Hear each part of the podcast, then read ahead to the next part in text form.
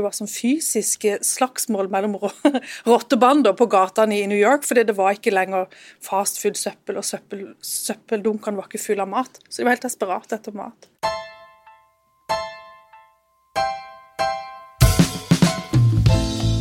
Anne Mette Seines, velkommen til det hun sa. Takk. Du, Vi skal snakke om et litt spesielt tema, vil jeg si, iallfall til å være denne podkasten. Vi skal nemlig snakke om rotter. Ja. Ja, og du er jo historiker og doktorgradsstipendiat på UiA. ja. Og så har du bl.a. skrevet en kronikk hos oss eh, som handler om rotter, og det var sånn jeg egentlig kom over navnet ditt, for jeg ble så nysgjerrig, og så eh, var det veldig mange ting jeg faktisk ikke visste.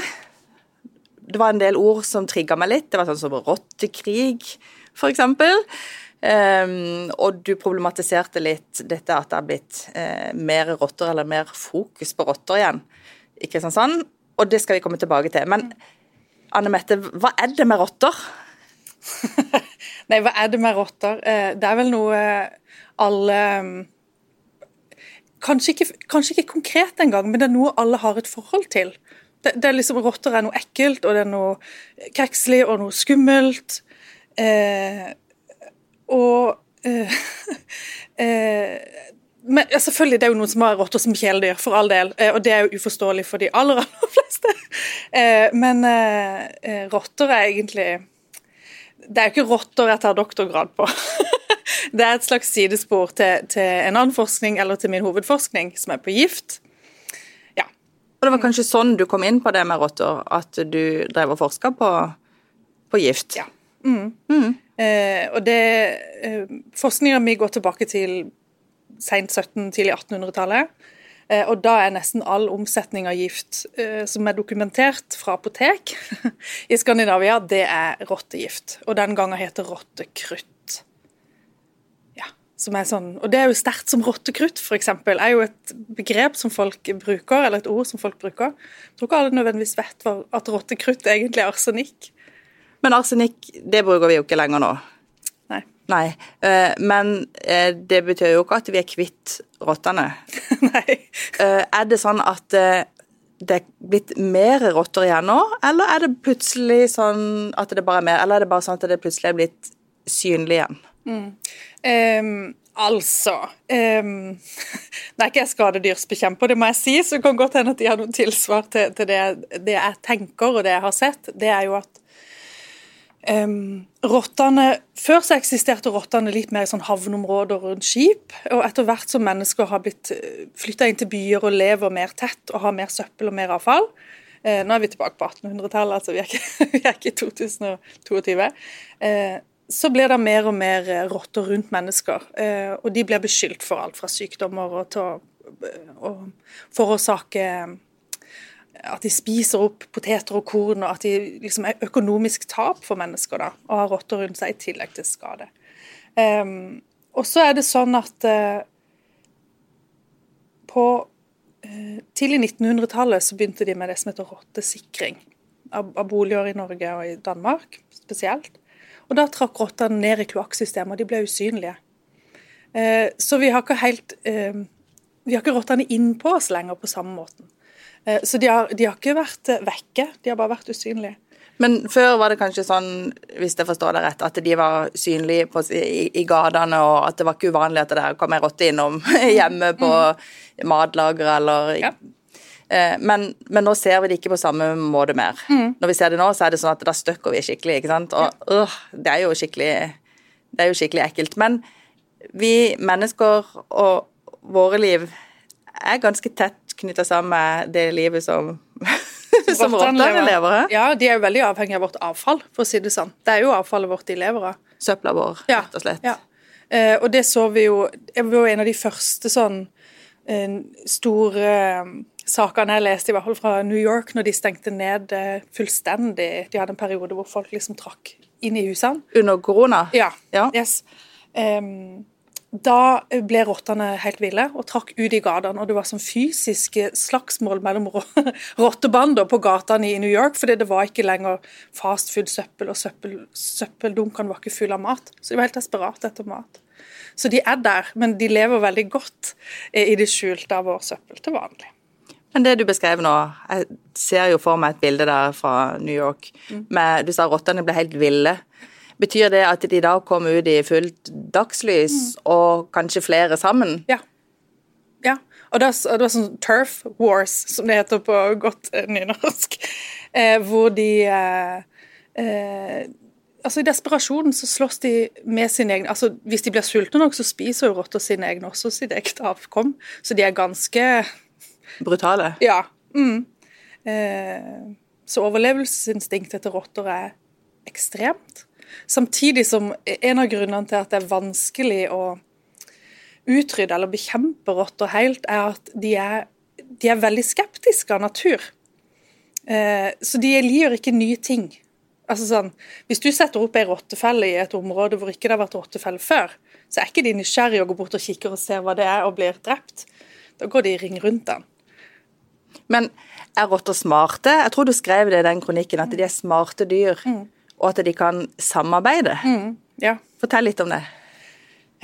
Ja, altså Det er uh, Det er jo mange uh, videoer på YouTube for eksempel, som viser hvor smarte rotter er til å samarbeide. Men det der er også en sånn sak jeg leste fra et slakteri i København, mener jeg, på 1800-tallet, hvor han her slakteren følte virkelig at han hadde rottesikra slakteriet sitt, men rottene klarte å samarbeide eh, ved å benytte sin egen kroppsvekt på en måte for å klatre på hverandre for å komme inn i et hull høyt opp på veggen. Og Det for krever jo en viss grad av både organisering og samarbeidsevne. Men betyr det at eh, vi nesten ikke klarer å, å bekjempe dem, fordi de vil Altså, de er jo ikke smartere enn oss, håper jeg. men, men det vi klarer å utvikle av feller osv., det vil de klare å, um, å finte? På, vil de finte oss? Altså, um, når de begynte med altså På 1800-tallet så var det sånn eh, Hver mann sier rotte, eh, hvis jeg kan si det sånn. Altså Du bekjempa rottene i ditt hus eller ditt fjøs eller ditt slakteri, og, og ingen klarte noensinne å, å liksom påvirke bestanden i det hele tatt. Fordi eh, de forsto ikke det der eh, konseptet med at hvis du skal bekjempe rotter, så må du ta store områder samtidig, og alle må være med på det. For rotter har jo en enorm formeringsevne. Ja. Og hva, hva ligger i det, hvor ofte, eller hvor mange barn får okay. de? Under i- hypotetisk sett, altså sånn absolutt optimale forhold, så kan et rottepar få 10 000 avkom på et år. Men det er absolutt optimale, litt sånn matematisk regnestykke for Ja, men sant? Rent biologisk så kan Ja. de faktisk det. Mens det er påvist eh, i optimale forhold i eh, Altså, det er påvist i optimale forhold at de har klart å lage nesten 8000 avkom. Et, nei, 800, unnskyld. 800 avkom. Um, ett rottepar. Og det i seg selv er jo også ekstremt mye på ett år. 800. Ja, altså herr og fru rotte får 800 barn, og barnebarn og barnebarn ikke sant, på et år. Um, og da sier det seg selv at den eh, visjonen, eller kanskje den drømmen de første rottebekjemperne hadde, eh, om at de skulle utrydde rotter, de skulle desimeres, og de skulle liksom fjernes fra jordas overflate, det var eh, drømmen de sin. Det var, det var liksom det de skulle få til. Eh, det gikk de jo gradvis vekk ifra. Så det, det, jeg tror Det er en tapt sak. ja, jeg tror ikke det er noen i dag som tror at du kan eliminere rotter fra jordens overflate, for å si det sånn. Eh, det handler om å begrense eh, antallet, ikke sant? og holde det nede, og holde de i de områdene hvor vi kanskje syns det er OK at de er, som i kloakken. Ja. Vi syns vel ikke det, er så- det er ikke sånn kjempe Ok, å tenke på at de er der, men det er jo bedre at de er der enn at de kommer inn i min kjeller, for Ja, og så eh, Kanskje er litt farlig nå, men eh, de gjør jo også en de, altså, de spiser jo en del søppel. Ja, for jeg hadde tenkt å spørre om de faktisk har en nyttefunksjon også. Det er jeg litt redd for å uttale meg om, men, men i mitt hode tenker jeg at de har jo det. Ikke sant? Altså, de, de, eh, de spiser jo en del søppel som ellers kanskje bare ville ligget og råtna, og kanskje ført til annen type plage, men jeg er virkelig ikke noe ekspert på dette, altså. ja. Jeg har lyst til å spørre deg litt mer om det der med, med bekjempelsen. Fordi du sa det at man på 1800-tallet så så man det som at det var hvert enkel husstand sin oppgave å bekjempe rotter. Mm. Nå har jo vi bl.a. i Feven hatt en del artikler der folk har fortalt om, altså privatpersoner Mm. har fortalt om plager, rotteplager, at de har hatt rotter i garasjen, de har hatt rotter i kjelleren. Uh, og de har vært skikkelig fortvila, for de har ikke klart å bli kvitt dem. Han ene sa det jo på vakt, på post, på natta, ja, ikke sant? ja. Eh, og rottene har kommet seg inn allikevel. Og da ble det etterlyst en, en større plan. Mm. Uh, at dette kan ikke være den enkeltes ansvar. Vi må på en måte ha, vi må gjøre noe, vi Mm. må gjøre noe felles. Eh, og som historiker så har jo du sett litt nærmere på hva som har blitt gjort tidligere. Mm. Eh, vi har bl.a. hatt noen rottekriger. Vi bruker det begrepet, den Ja. Mm. store rottekrigen. Eh, kan ikke du fortelle litt om den, for det syns jeg var veldig interessant å høre om. Ja. Um, Rottekrigene uh, starta egentlig i København. Eh, I 1899 var den første rottekrigen i København. Og Der var det en ingeniør som hadde forska litt på rotter og funnet ut at eneste måten vi kan få ned antallet på, begrense de på, det er at alle går sammen om å bekjempe rottene samtidig. Det nytter ikke at én mann i én bygård prøver å ta livet av rottene hjemme hos seg. Han må ha flere med seg samtidig. Og Det var en utrolig effektiv kampanje, og den um, påvirka på en måte resten av verden til å forstå hvordan du kan bekjempe rotter. Ja, For da mobiliserte de stort. Da skulle Mm. de alle med på denne krigen. Og hva var det de gjorde? De eh, eh, benytta seg av skuddpremier. Ja. Eh, eh, så i løpet av eh, tre måneder eh, på høsten i 1899 så ble det drept 110 000 rotter, Men cirka. var det sånn at man da avtalte noen dager eller en periode at nå skal vi ta rottene? Det var en dag de begynte, En rotte da? og så varte de tre måneder derifra. Ja. Og da var det, som regel så var det på politistasjonene eller brannstasjonene du kunne komme inn og levere rottehaler, og så fikk du ti øre for en rottehale. Eh, og den gangen var kanskje timeprisen 50 øre. Så det var liksom, du kunne faktisk gjøre litt penger på det. Det var veldig mye barn som gjorde det. Eh, og de brukte, de brukte mm, feller, og de brukte våpen, altså våpen. De skøyt på dem. Eh, og veldig liten grad brukte de gift. I hvert fall ikke som jeg har kunnet funnet ut av. Det gjorde nettopp hvert, så gikk en over til å bruke gift. Men denne aksjonen, da, eller Mm. denne første rottekrigen som ble utkjempa i København, den ble jo egentlig en sånn modell som andre kopierte Ja. etterpå, fordi den virka. Yes. For vi gjorde det i Norge òg, gjorde vi ikke det? Jo da, det gjorde vi. Eh, og etter denne kampanjen i København så eh, spredte ryktet gikk til hele verden. Altså fra Australia, Egypt, Sveits. Alle var sånn What? Så bra. Dette har vi lyst til å prøve Ja, fordi det virka. Ja, så De fikk jo i hvert fall tatt livet av 110 000 rotter, men eh, hvor mange rotter som var i København på det tidspunktet, det vet jo ingen. Men de opplevde i hvert fall et mindre press og mindre tilstedeværelse av rotter. Eh, og um, så fikk de en rottelov som, som påla de å gjøre dette to ganger årlig. Eh, og det inspirerte folk over hele verden, men også i Norge, til å få rottekriger.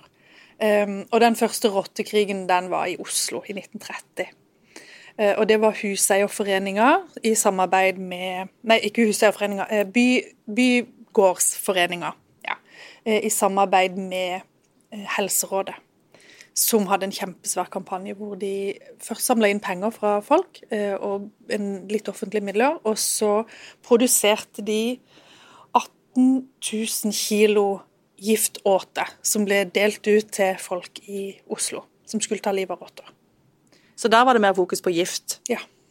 Mm. Den kom ganske tidlig på, på 1900-tallet, så gikk en over til å bruke gift. For det eh, Kanskje de opplevde det så mye mer eh, At du har mye mer kontroll på at du dekker et område. Hvis du, hvis du på en måte fysisk legger gift der, så har du vært der og dekka området. og liksom Her har vi hatt rottekrig. Her, her er det gift. Men fungerte det i, i Oslo også? Eh, ikke så veldig bra. eh, de, de ønska nok å formidle at det gikk bra. Hvis en leser avisene fra året etterpå, så var det en kjempesuksessfull kampanje. Men i realiteten så fikk de jo ikke tatt livet av alle rottene. Og eh, et av problemene med den type gift de brukte den gangen, eller teknikken eller teknologien, var at de blanda giftig substans med eh, vanlig mat. Ja. Og det betydde jo at eh, rottene, som jeg sa, de er ganske smarte. Så de går ikke nødvendigvis bort og spiser det hvis det lukter menneske. Eh, eller de føler at dette er noe nytt og rart og litt skummelt. Mens katten din, eller hunden din, eller andre som er sultne, kan kanskje tro at det er mat de kan spise. Så dermed så kan det ramme Uskyldige. uskyldige dyr også. Og det skjedde. Ja. Ja, så det var et stort problem eh, med den kampanjen, som de tok lærdom av da i framtidige kampanjer. Ja. Noe av det vi syns er litt sånn skummelt og litt ekkelt med rotter, det er jo også det vi forbinder med rotter. Og rotter er jo nært forbundet med, med pest, f.eks. med sykdommer. Er det sånn i, i virkeligheten at rottene fører med seg sykdommer? Ja, det er det. Eh, ikke så veldig mye pesten, for der, der vet vi jo at det var jo ikke, det var ikke rotta, det var jo loppa på rotta som førte med seg svartedauden. Så der var rotta egentlig bare transportmiddel? Ja. De haika med, med rottene. Men det betyr at de, de hadde jo noe De er jo, en, var de er jo delaktige. Ja, det er de, ja. Absolutt. Eh, men eh, rotter kan spre to sykdommer som faktisk var direkte medvirkende til at vi fikk en rottelov i Norge. Eh, og de sprer eh, munn- og klovsyke. Og så sprer de um, trikinose. Hva er det, da? Eh, trikinose er en sykdom eh, som Det er egentlig en mark. Eh, som gjør at du blir veldig veldig syk. Som regel så får du trikinose hvis du har spist eh, dårlig svin, eh, underkokte pølser Sånne ting kan du få i Sånne ekle ting. Ja, sånne ekle ting. Eh, men som rotter faktisk sprer. Eh, og det var et stort utbrudd av eh, trikinose blant tyske soldater under andre verdenskrig som faktisk gjorde at de tyske okkupasjonsmaktene innførte rottelov i Norge i 1944. Så under krigen fikk Norge sin første rottelov. Så rottene de har rett og slett sin plass i, i historien? Ja, det har de. Ja. Ja.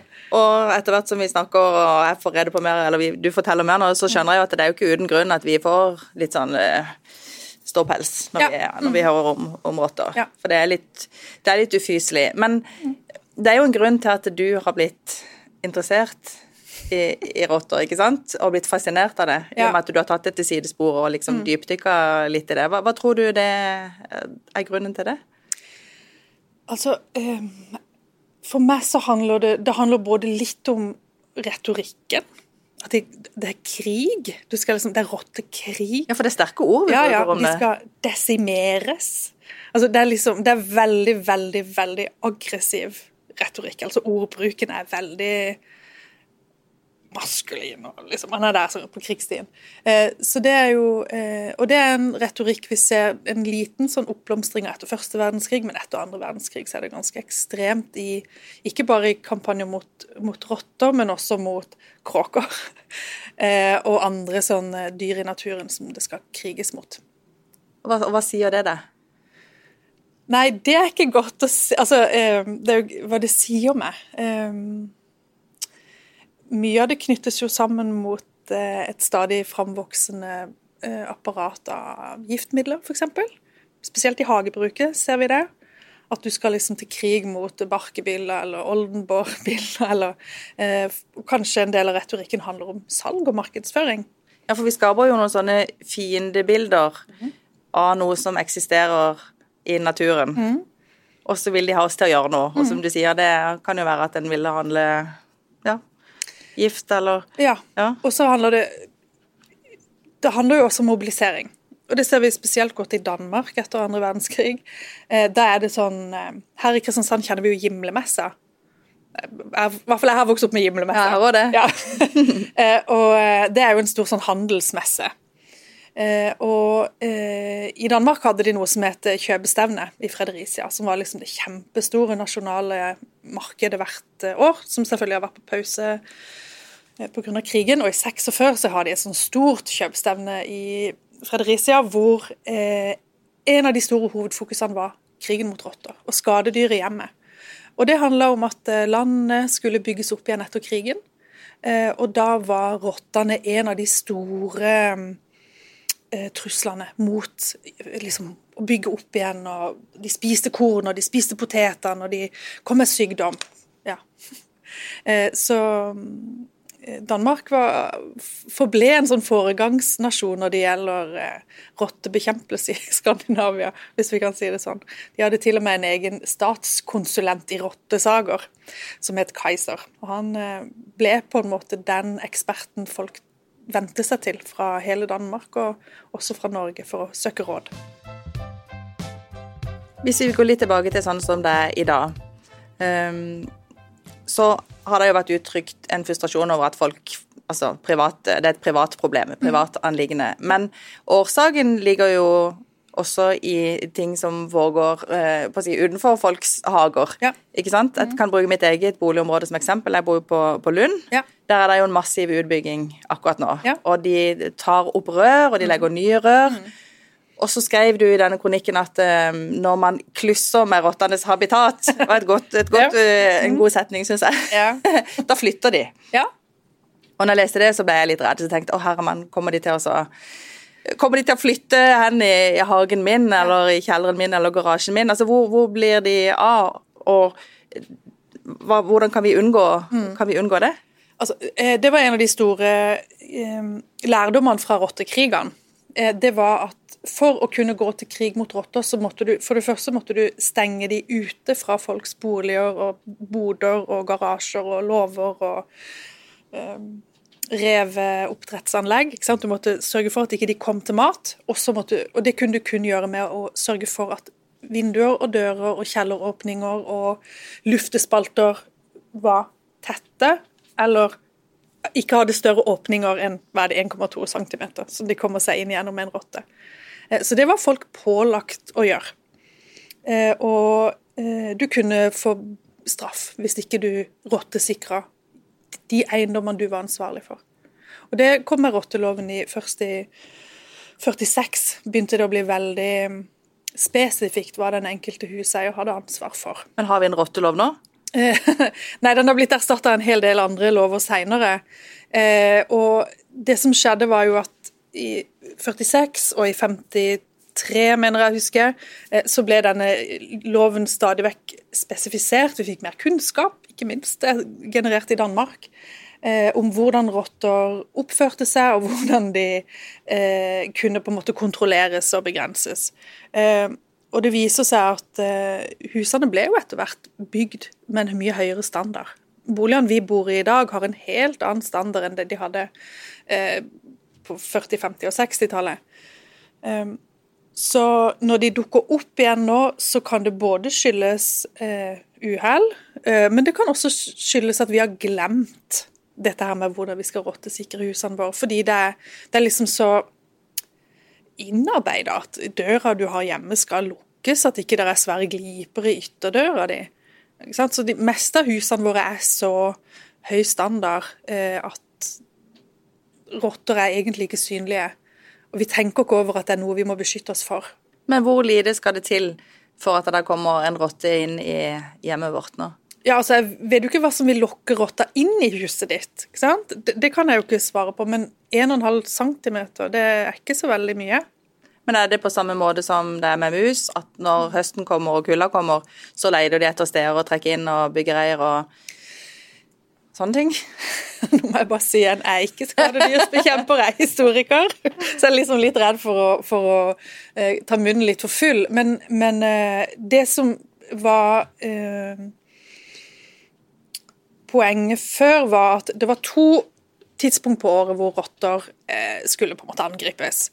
Og det var på høsten skulle du sørge for at de ikke kom inn så de holdt seg ute. Og da kunne du liksom ha en krig mot det.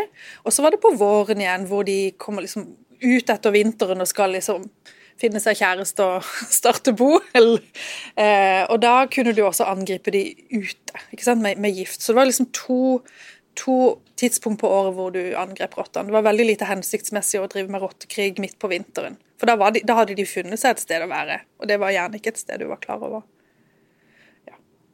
Du, når du treffer folk og forteller uh, at du har et, et, interesseområde som er rotter, og at du kan litt mer enn gjennomsnittet av befolkninga om det, hva, hva, hvordan er reaksjonen hos folk da? Um, ja, det er heldigvis ingen som krekser. uh, og det, det, det, er jo godt. Eh, um, det det er jo et sidespor. Det er jo gift jeg holder på med, og det er jo vel så burlesk og weird, ikke sant. Eh, så for meg så ble rotter bare en av mange andre rare saker jeg stikker nesa mi Men folk syns det er litt rart, gjør de ikke det? Jo da. Eh, jeg har vært eh, jeg har, På to forskjellige konferanser jeg har vært, så har jeg holdt foredrag om rotter. Og da blir jeg jo the rat lady. Altså, det, det kan jo ikke You're the rat lady. Yeah, that's me.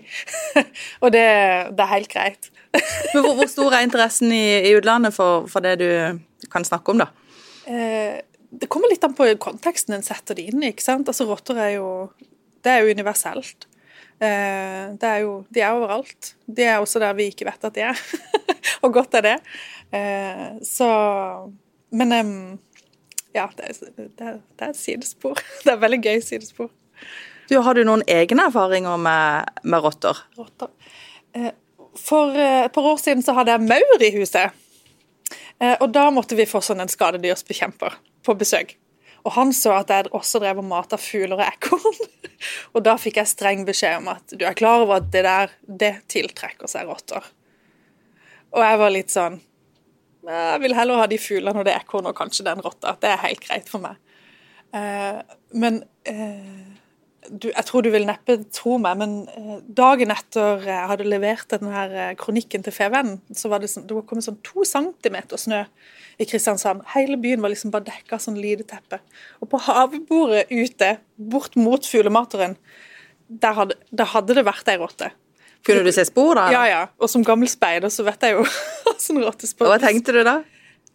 Eh, nei, jeg tenkte det var godt det bare var ei, at ikke, at ikke alle var ute etter å ta meg.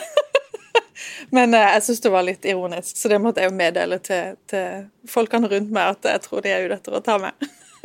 Nei da. Ja. Mm. Jeg så faktisk et bilde fra en eh, kollega av meg her i Fevennen. Mm. Eh, han hadde observert ei rotte oppi tre i ja. hagen. Mm. Klatrer de, altså? Oh yes. Jeg har, jeg har sett ei på fuglemateren. Og da måtte jeg flytte fuglemateren, for det syns jeg var eh, Altså, det er helt OK at de Nei, det er kanskje ikke helt OK at de er der, men en trenger liksom ikke akkurat å eh, servere de mat det, det, det syns jeg jo ikke. Ja, For det er på en måte litt å invitere de ja. tett på? Ja. Det vil vi ikke? Nei, det vil vi ikke. Vi har ikke lyst til å ha de inn i huset. Um, I Danmark er du faktisk um, Du er pålagt å melde ifra hvis du ser uh, ei rotte. Sier du det, ja? Da må du melde fra til det, til det offentlige? Helse, ja. ja. Du har jo på en måte tatt litt debatten om hva vi skal gjøre med det. Um, og jeg så at du, også at du fikk et, et tilsvar. Ja. Um, Tenker du at disse posene vi henger ut med plastavfall, fungerer som en sånn slags eh, godteposer for, for rottene? Jeg tenker i hvert fall at ikke de er det motsatte. de, er ikke, de, er jo ikke, i tråd med det som var god gammeldags rottesikringsskikk. Og det er at alt som var avfall og bøss og søpler, eh, søpler faktisk, skulle i lukka beholdere med lokk på, og som ikke rottene kunne gnage seg inn i. Eh, så jeg syns jeg er utrolig glad og takknemlig for at vi har fått plastsøppelsortering i Kristiansand. Det er jeg veldig glad for. Eh, men jeg skjønner ikke helt hvorfor ikke vi også kan få en lukka dunk, sånn som de har i nabo, det heter ikke nabofylket, som de har hos det andre renovasjonsselskapet i, i fylket. Um, men, men, det var ikke ment som en sånn hva heter det, moraliserende kronikk, det der. Det var, men kanskje et lite sånn hjertesukk, da. Ja. Og noe av det du gjør, er jo å eh, bringe litt kunnskap inn om hva rotter har betydd, og hvilken plass de har hatt i historien, og hvordan vi har forholdt oss til det tidligere. Mm. Eh, og det kan jo være veldig bra å snakke om, for jeg tror jo at noen som oppdager at de har rotter, kanskje ikke tør å si noe om det. Mm. Og jeg vil tro at det kanskje henger sammen med at de er redde for at eh, det skal bli lavere pris på boligen ved et eventuelt salg. Mm. Kanskje nabolaget vil reagere, hvis det er andre som har mm. tenkt å selge bolig. Det er jo ikke mm. akkurat noe sånn salgsfremmende hvis du vet at det er en rottekoloni der. Nei. Eh, er det forbundet litt med skam å si at man har rotter hjemme? Er det forbundet med ikke være renslig, mm. eller liksom at, at liksom skyld, nesten? Ja, altså, og jeg tenker eh, i hvert fall sånn som det var tidligere, så det er jo ganske logisk og naturlig at rotter var mer synlige i Hvis du ser for deg nabolag med eldrebolig, bygningsmasse Der er hull i eldre bygningsmasser. Eh, det er naturlig at, eh, at de har vært mer synlige der tidligere i, mm, kanskje litt eh, lavere økonomisk stilte strøk.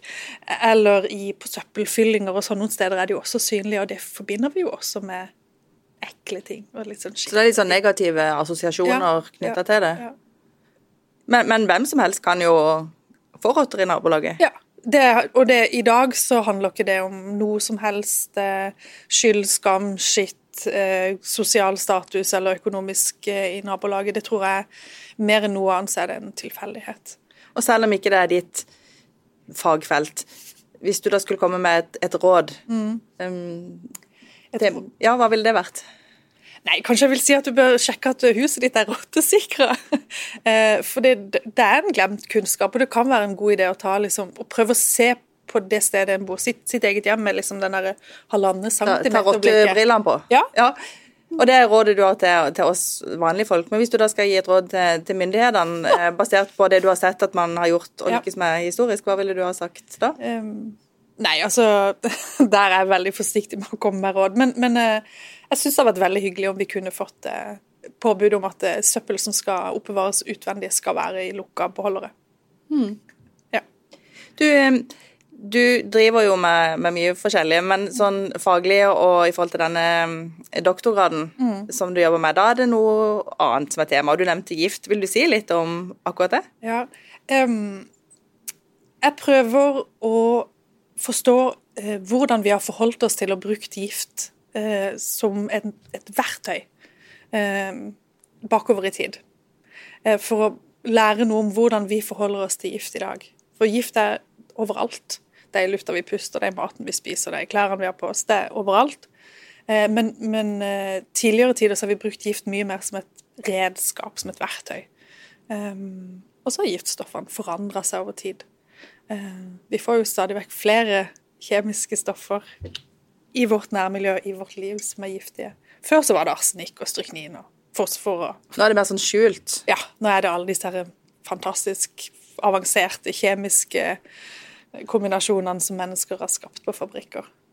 Og nå er det jo sånn at til og med når du kjøper ting som skal være bra for deg, egentlig, kremer, altså hudpleieprodukter, så må du liksom aktivt leide og sjekke at ikke de inneholder giftstoffer, Ja. eksempel. Ja, i hvert fall ting som du kanskje sjøl reagerer på, da. Eller Ja. Det er jo ikke lov å det, det er jo ikke Altså, det er jo lange lister med hvilke stoffer som er giftige og ikke lov å omsette, så er det andre lister som er mistenkt for å være Men det endrer seg jo, det der. Hele tida. Ja, ting som var helt ok for noen år siden, Yes. er plutselig Ja, farlig ja, ja, ja. nå. Gamle teflonpanner fra før 2012 bør du bare kaste. Ja, er det sånne ting du ser på, eksempel? Jeg jobber før 1970, helt tilbake til 1700-tallet. Så jeg, jeg, ser mye mer på um, ting som ble solgt fra apotek.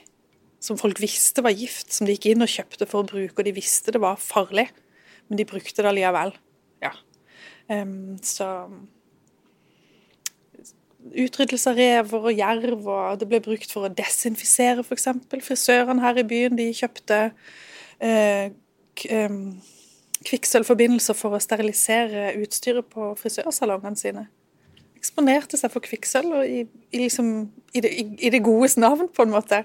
Eh, så det er, det er veldig mange sånn historier knytta til gift, og det er veldig mange yrkesgrupper som har vært utsatt og eksponert for mye gift som i dag aldri ville vært lov, og som vi kanskje ikke vet at har vært utsatt for det tidligere. Og det prøver vi å knytte opp mot forskning på f.eks.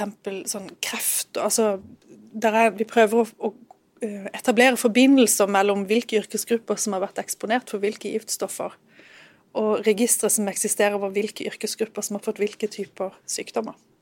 Det hørtes så utrolig interessant ut, og jeg tenker at det kan jo nesten være tema for en egen, en egen episode. Og med det så har jeg lyst til å si tusen takk for at du ville komme i, i studio og snakke om rotter.